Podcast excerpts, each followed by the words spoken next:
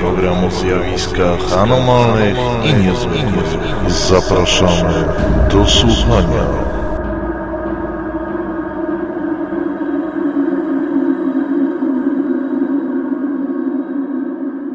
Witam Państwa w Infrafaktach, cyklicznym magazynie prezentującym najnowsze doniesienia ze świata zjawisk anomalnych i pogranicza nauki. W naszym programie staramy się przybliżać zjawiska warte uwagi i wyjaśniać te, które nagłaśniane są w mediach jako paranormalne. Dziś jest 11 marca 2012 roku, mówi Michał Kuśnierz, a dzisiaj można powiedzieć, że troszkę inaczej niż zwykle, bowiem nie ma Piotra Cielebiasia z nami, za to jest Mikołaj Jastrzębski, wydawca książki Lloyda Pye, najbardziej zagadkowa czaszka. Witaj Mikołaju. E, witaj, witam bardzo serdecznie.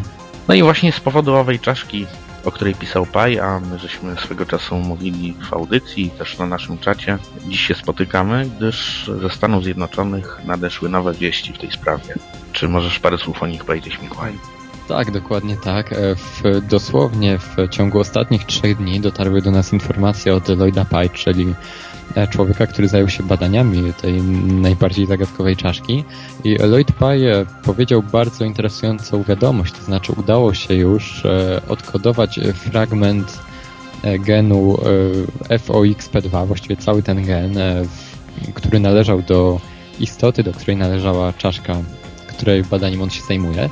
No i w samym tym genie możemy powiedzieć o wielu różnych anomaliach, które zaszły i które są no, dość szokujące.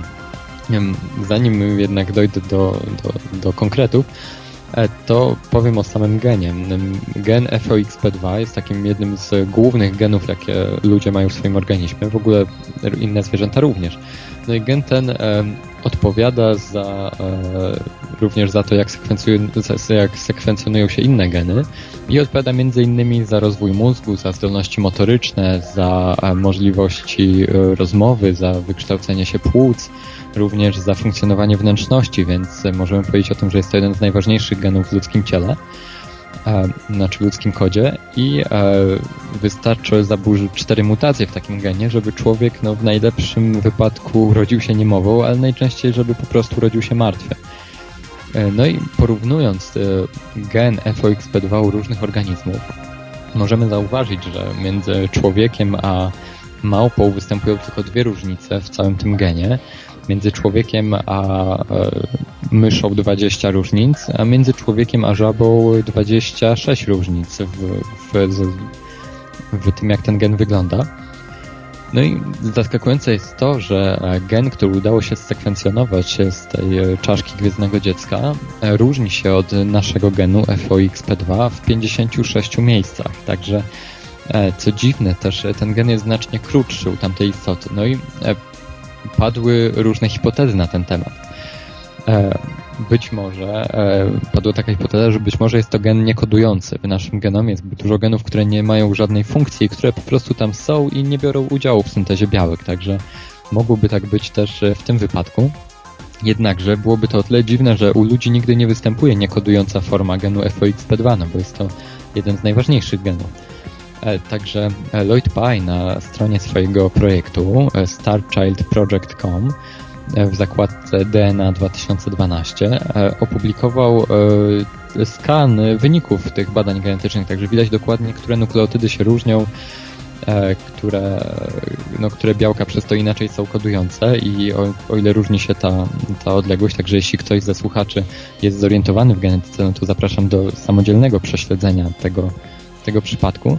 No ale e, jest, jest, e, no, jest taka ciekawe jakby podsumowanie tego, że w wypadku, w którym no, ten gen byłby genem niekodującym, no to ta istota no, nie mogłaby być człowiekiem, bo ludzi coś takiego się nie zdarza. Gdybyśmy mieli do czynienia z 56 mutacjami w obrębie jednego z głównych genów, no to też byłoby to rewolucja na skalę światową.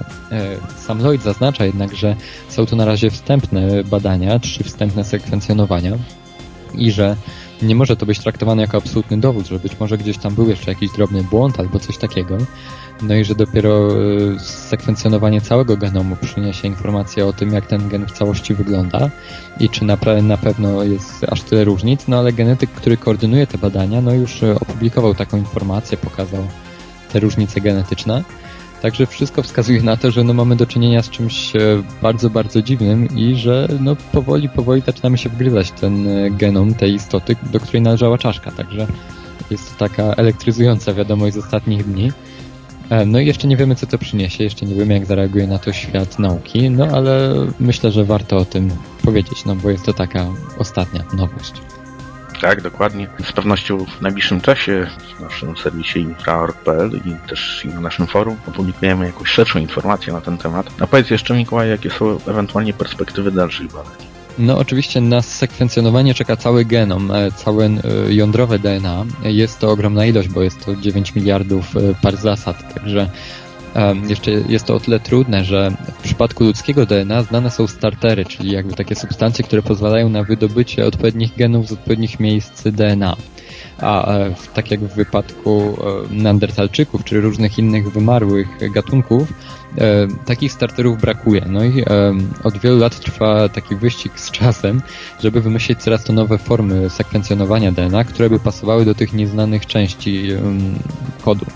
No i tak jest też w przypadku czaszki gwiezdnego dziecka, ponieważ jest to i stara kość, no i to DNA, które tam jest, y, wygląda na nieco inne niż ludzkie. E, no to po prostu potrzeba wymyślić trochę starterów, e, potrzeba troszkę ulepszyć technologię, żeby w ogóle dało się to zrobić. No i są to bardzo kosztowne badania, także Lloyd Pye ciągle zbiera fundusze na to, żeby można było sekwencjonować cały kod, no bo gdyby to się udało, byłby to taki niezbity naukowy dowód, e, no i bardzo ciekawa w ogóle naukowa przygoda. Można by porównać, jak wyglądał kod genetyczny tej istoty w porównaniu do tradycyjnego ludzkiego. No i E, wtedy już mowa o tym, że czaszka ta należała do mm, dziecka z jakąś deformacją czy po prostu wadą genetyczną, no byłaby nie na miejscu. Także cały czas trwają te badania i, no i na tym teraz tak naprawdę cały ten projekt się skupia. Mhm. No dobrze, to wszystko na dzisiaj. Dziękuję Ci bardzo Mikołaju za udział. Dziękuję uprzejmie i pozdrawiam wszystkich słuchaczy, no i Ciebie.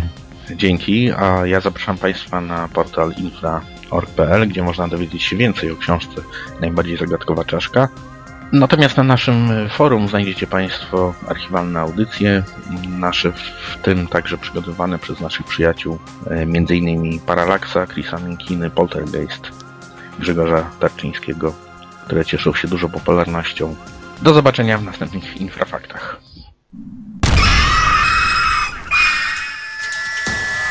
Produkcja i realizacja Portal Infra www.infra.org.pl